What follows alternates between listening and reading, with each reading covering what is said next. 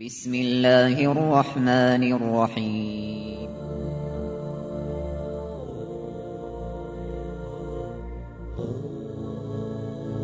الرحمن العزيز الرحيم القوي السلام الكريم العظيم البصير العليم الحكيم الجبار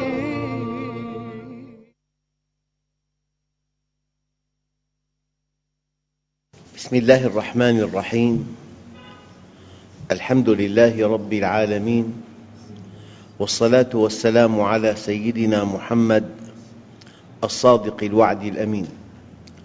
اللهم أخرجنا من ظلمات الجهل والوهم إلى أنوار المعرفة والعلم ومن وحول الشهوات إلى جنات القربات. أيها الإخوة الكرام لا زلنا في اسم الرؤوف. هذا الاسم ما أثره في المؤمن أو ما علاقة المؤمن بهذا الاسم. العلماء قالوا ينبغي أن يمتلئ قلب المؤمن بالرحمة والرأفة التي تشمل عامة المسلمين وخاصتهم. هذا القلب إذا امتلأ رحمة أحسن إلى الخلق فارتقى الإنسان عند الله. والقاعدة الدقيقة أنك إذا اتصلت بالله اكتسبت منه الرحمة فانعكست الرحمة في المعاملة ليناً فالتف الناس حولك. وسعدوا بك وسعدت بهم وارتقيت بهم وارتقوا بك. فكان المصير الجنة التي خلقت من أجله وإذا كان العبد منقطعاً عن الله عز وجل امتلأ القلب قسوة وانعكست القسوة غلظة فانفض الناس من حولك ولم تحقق الهدف الذي خلقت من أجله. لذلك لئلا يتوهم الإنسان أنه يرحم أولاده رحمة الأولاد أودعها الله في الإنسان كطبع هل يعقل أن يصدر قرار من حكومة بإلزام المواطنين بتناول طعام الإفطار؟ تناول طعام الإفطار طبع في الإنسان من أجل أن تسير الحياة من أجل أن يربى الصغار جعل الله محبة الصغار والعناية بهم طبعاً في الإنسان. لكن الرحمة التي نقصدها في هذا المقام رحمة عامة أن ترحم الخلق جميعاً أن ترحم إنساناً لا ينتمي إليك ولا تنتمي إليه أن ترحم طفلاً ليس ابنك. بطولة المؤمن أن الرحمة التي في قلبه والتي اشتقها من الله رحمة عامة تشمل كل الكائنات والمخلوقات. الرحمة الخاصة الله عز وجل أودعها فيك. شئت أم أبيت؟ يعني كملاحظة لو واحد زار مستشفى أطفال يأخذه العجب السافرة تبكي. والمحجبة تبكي والمتعلمة تبكي والجاهلة تبكي والغنية تبكي والفقيرة تبكي. محبة الطفل أودعها الله في قلب أمه وأبيه بل هي في الحقيقة محبة الله. وألقيت عليك محبة مني. أما الحديث الآن ليس عن رحمة أودعها الله في قلوبنا جميعاً. الحديث عن رحمة اشتققناها من الله. هذه الرحمة نرحم بها كل الخلق. يعني للتوضيح في بالبيت خادمة وفي بنتك. الرحمة العامة تقتضي أن تعامل هذه الخادمة كما تعامل ابنتك. في بالبيت بنتك وزوجة ابنك. الرحمة العامة تقتضي أن تعامل زوجة ابنك كما تعامل ابنتك. الأمثلة كثيرة. لذلك ورد في بعض الأحاديث ولكنها رحمة عامة. الرحمة التي ترقى بها هي رحمة عامة. روى الترمذي من حديث عبد الله بن عمرو أن رسول الله صلى الله عليه وسلم قال الراحمون يرحمهم الله. إذا أردتم رحمتي فارحموا خلقي.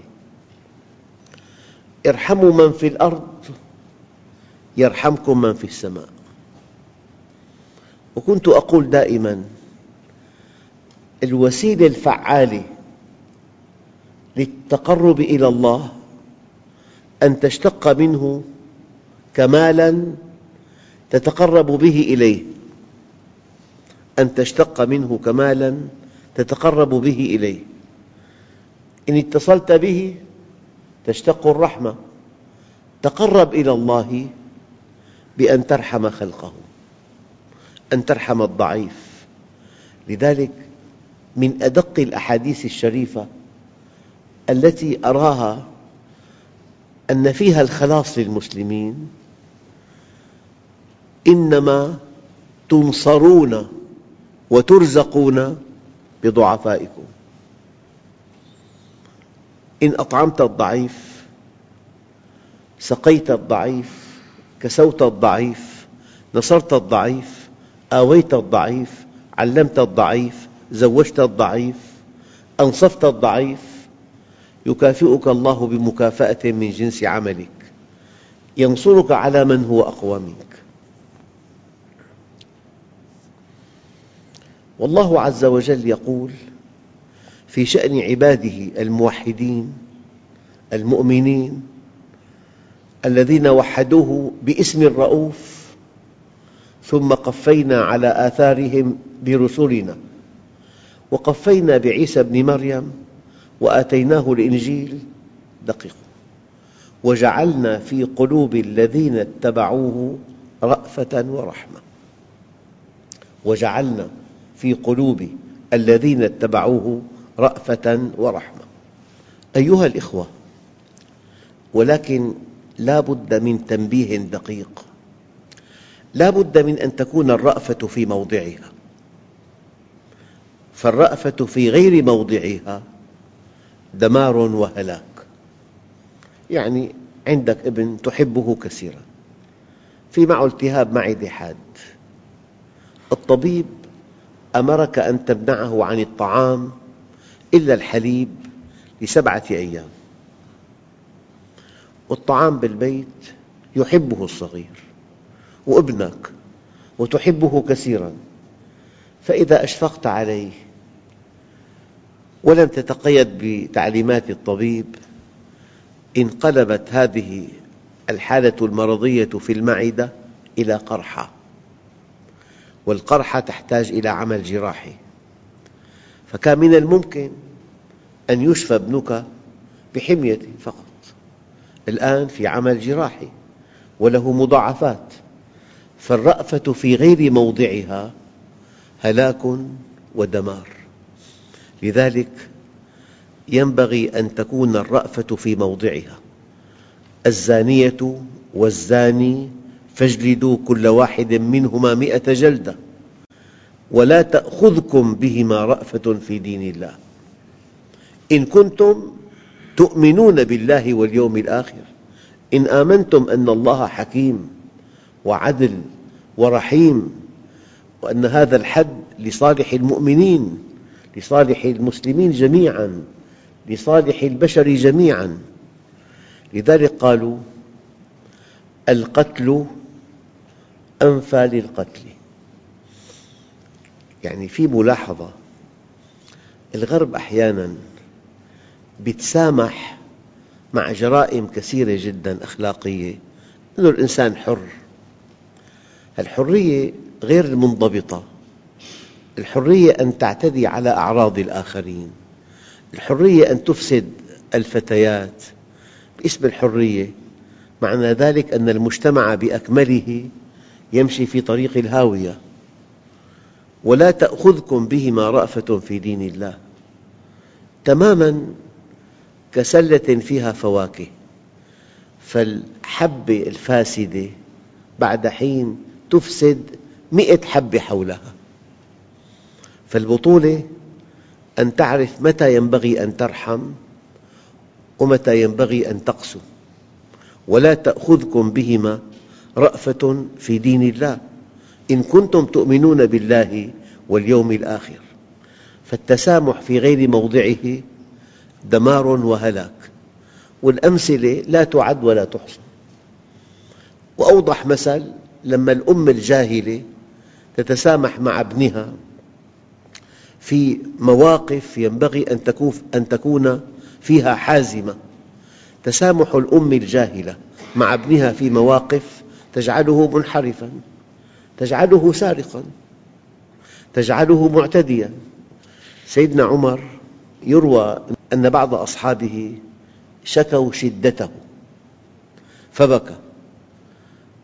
الذي نقل هذه الشكوى سيدنا أبو ذر.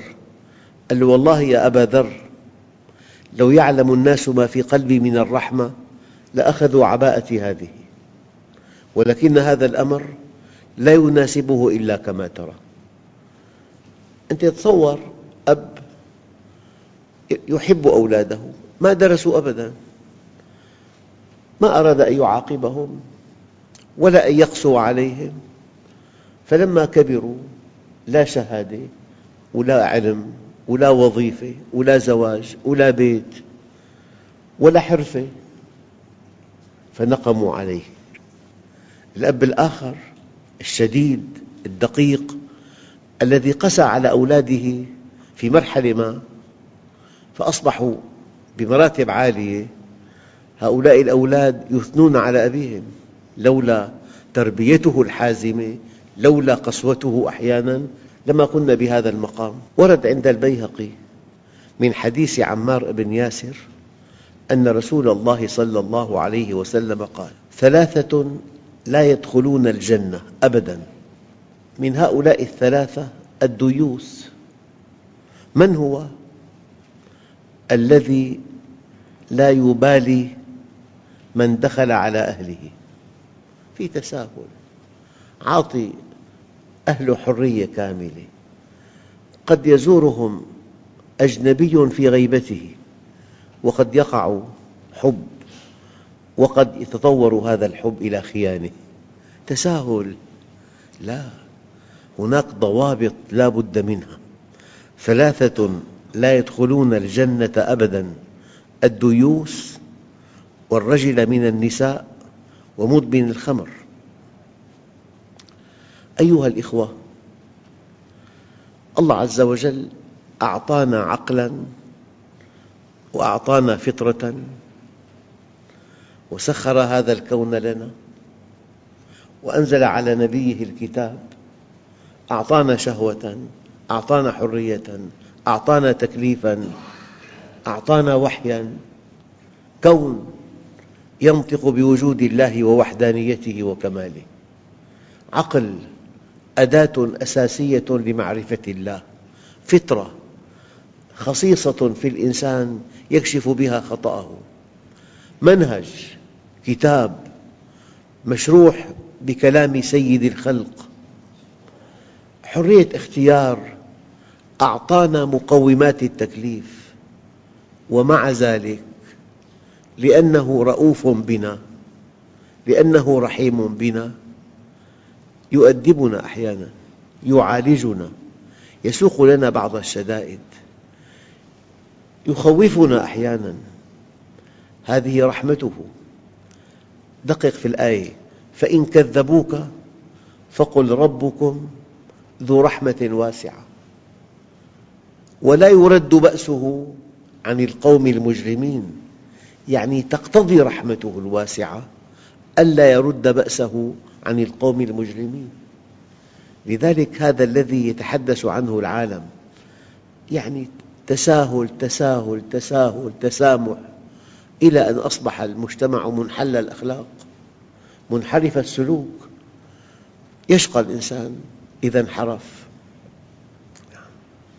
إذا رغم أن الله أعطانا كونا وعقلا وفطرة وشهوة وحرية ومنهجا وتكليفا ربانا وعالجنا وساق لنا من الشدائد ما يحملنا بها على التوبة. هذا شأن المؤمن الذي اتصل بالله وامتلأ قلبه رأفة ورحمة يضع حدود ويضع منظومة قيم لمن حوله ولا يتساهل حتى يصبح الذين حوله في أعلى عليين.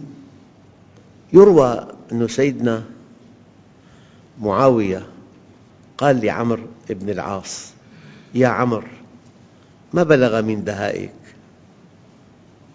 أنت داهية. ما بلغ من دهائك. قال والله ما دخلت مدخلا إلا أحسنت الخروج منه. فقال له يا عمر لست بداهية. أما أنا والله ما دخلت مدخلا أحتاج أن أخرج منه. يعني أنت إذا امتلأ القلب رحمة ورأفة تبتعد عن احتمال الخطأ كثيراً. لك ولمن حولك. فكلما امتلأ القلب رأفة ورحمة بمن حولك تبعدهم عن احتمال الخطأ. ما بلغ من دهائك ما دخلت مدخلا إلا أحسنت الخروج منه. قال له لست بداهية. أما أنا ما دخلت مدخلا أحتاج أن أخرج منه. يقول لك واحد عمري 73 سنة ما دخلت مخفر أخذ احتياط بعلاقاته المالية بعقوده. فالبطولة أن تبتعد عن أسباب الخطأ أن تبتعد عن أسباب الخطأ.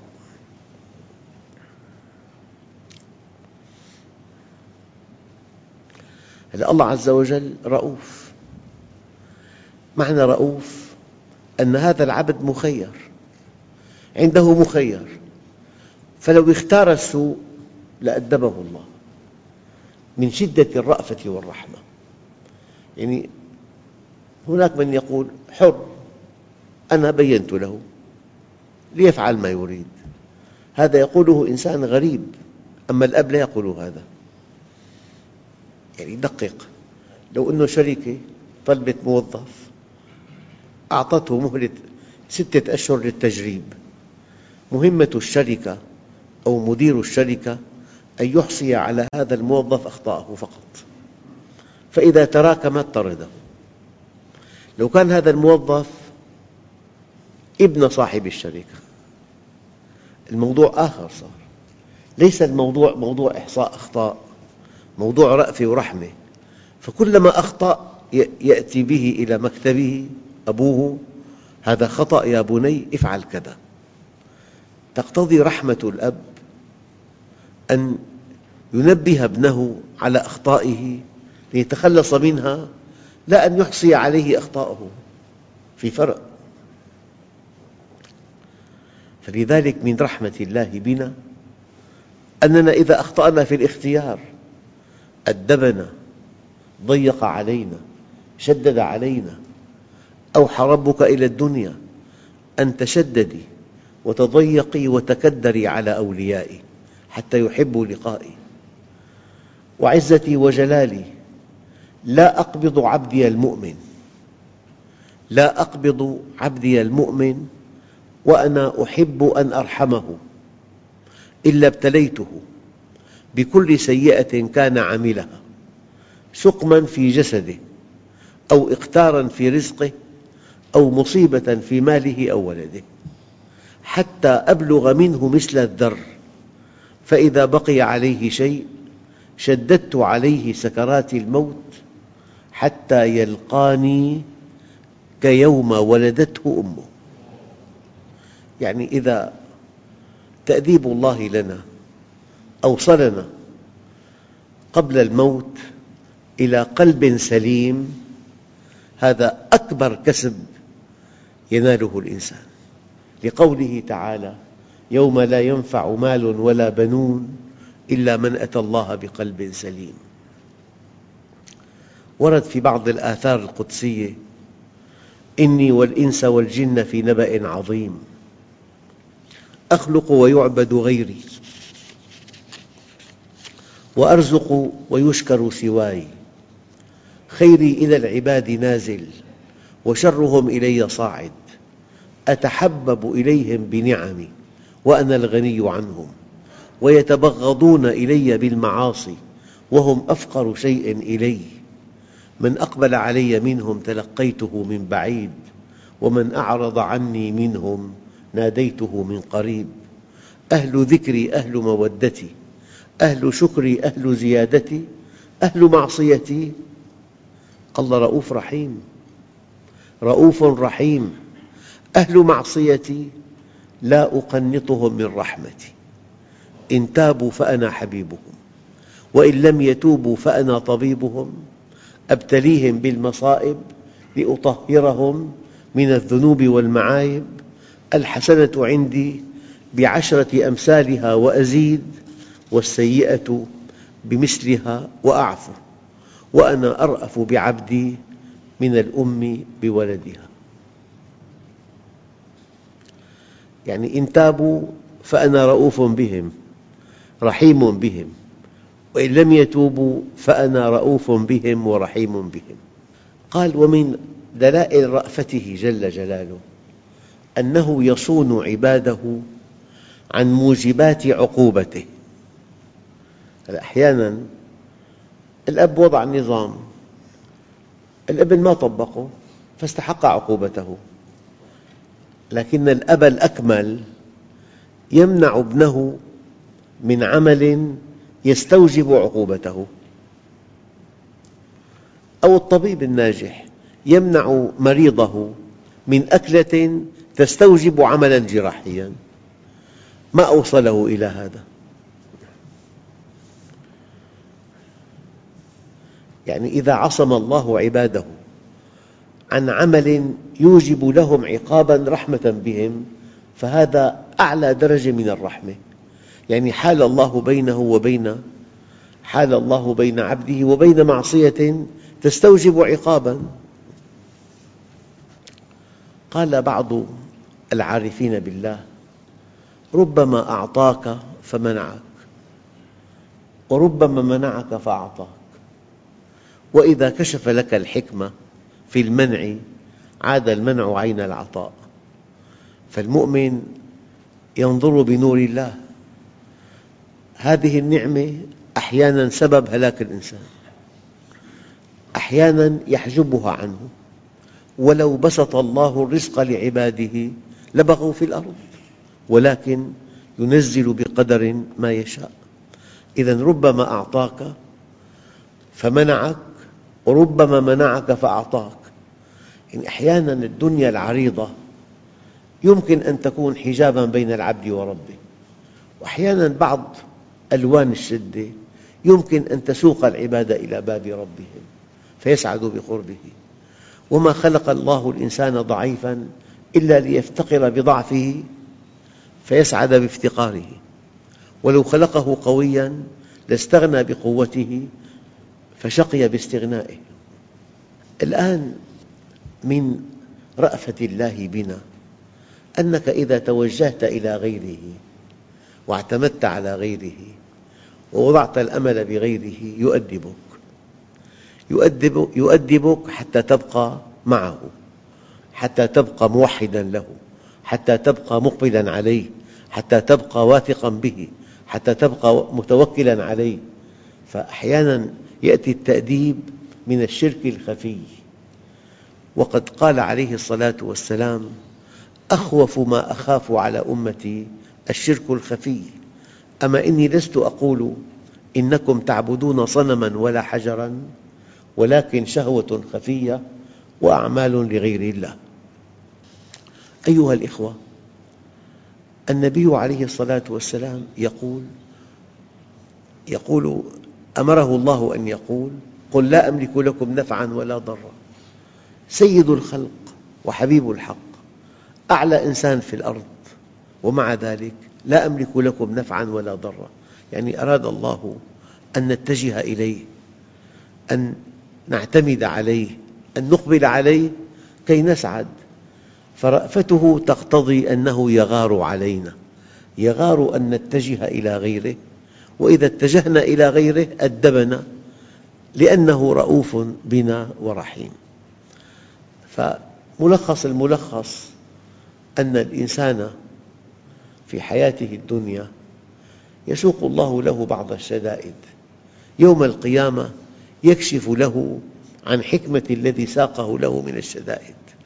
أنا أقول دائما إن لم تذب كالشمعة محبة لله على ما ساق لك من الشدائد يكون في إيمانك خلل الله عز وجل يقول ما يفعل الله بعذابكم إن شكرتم وآمنتم.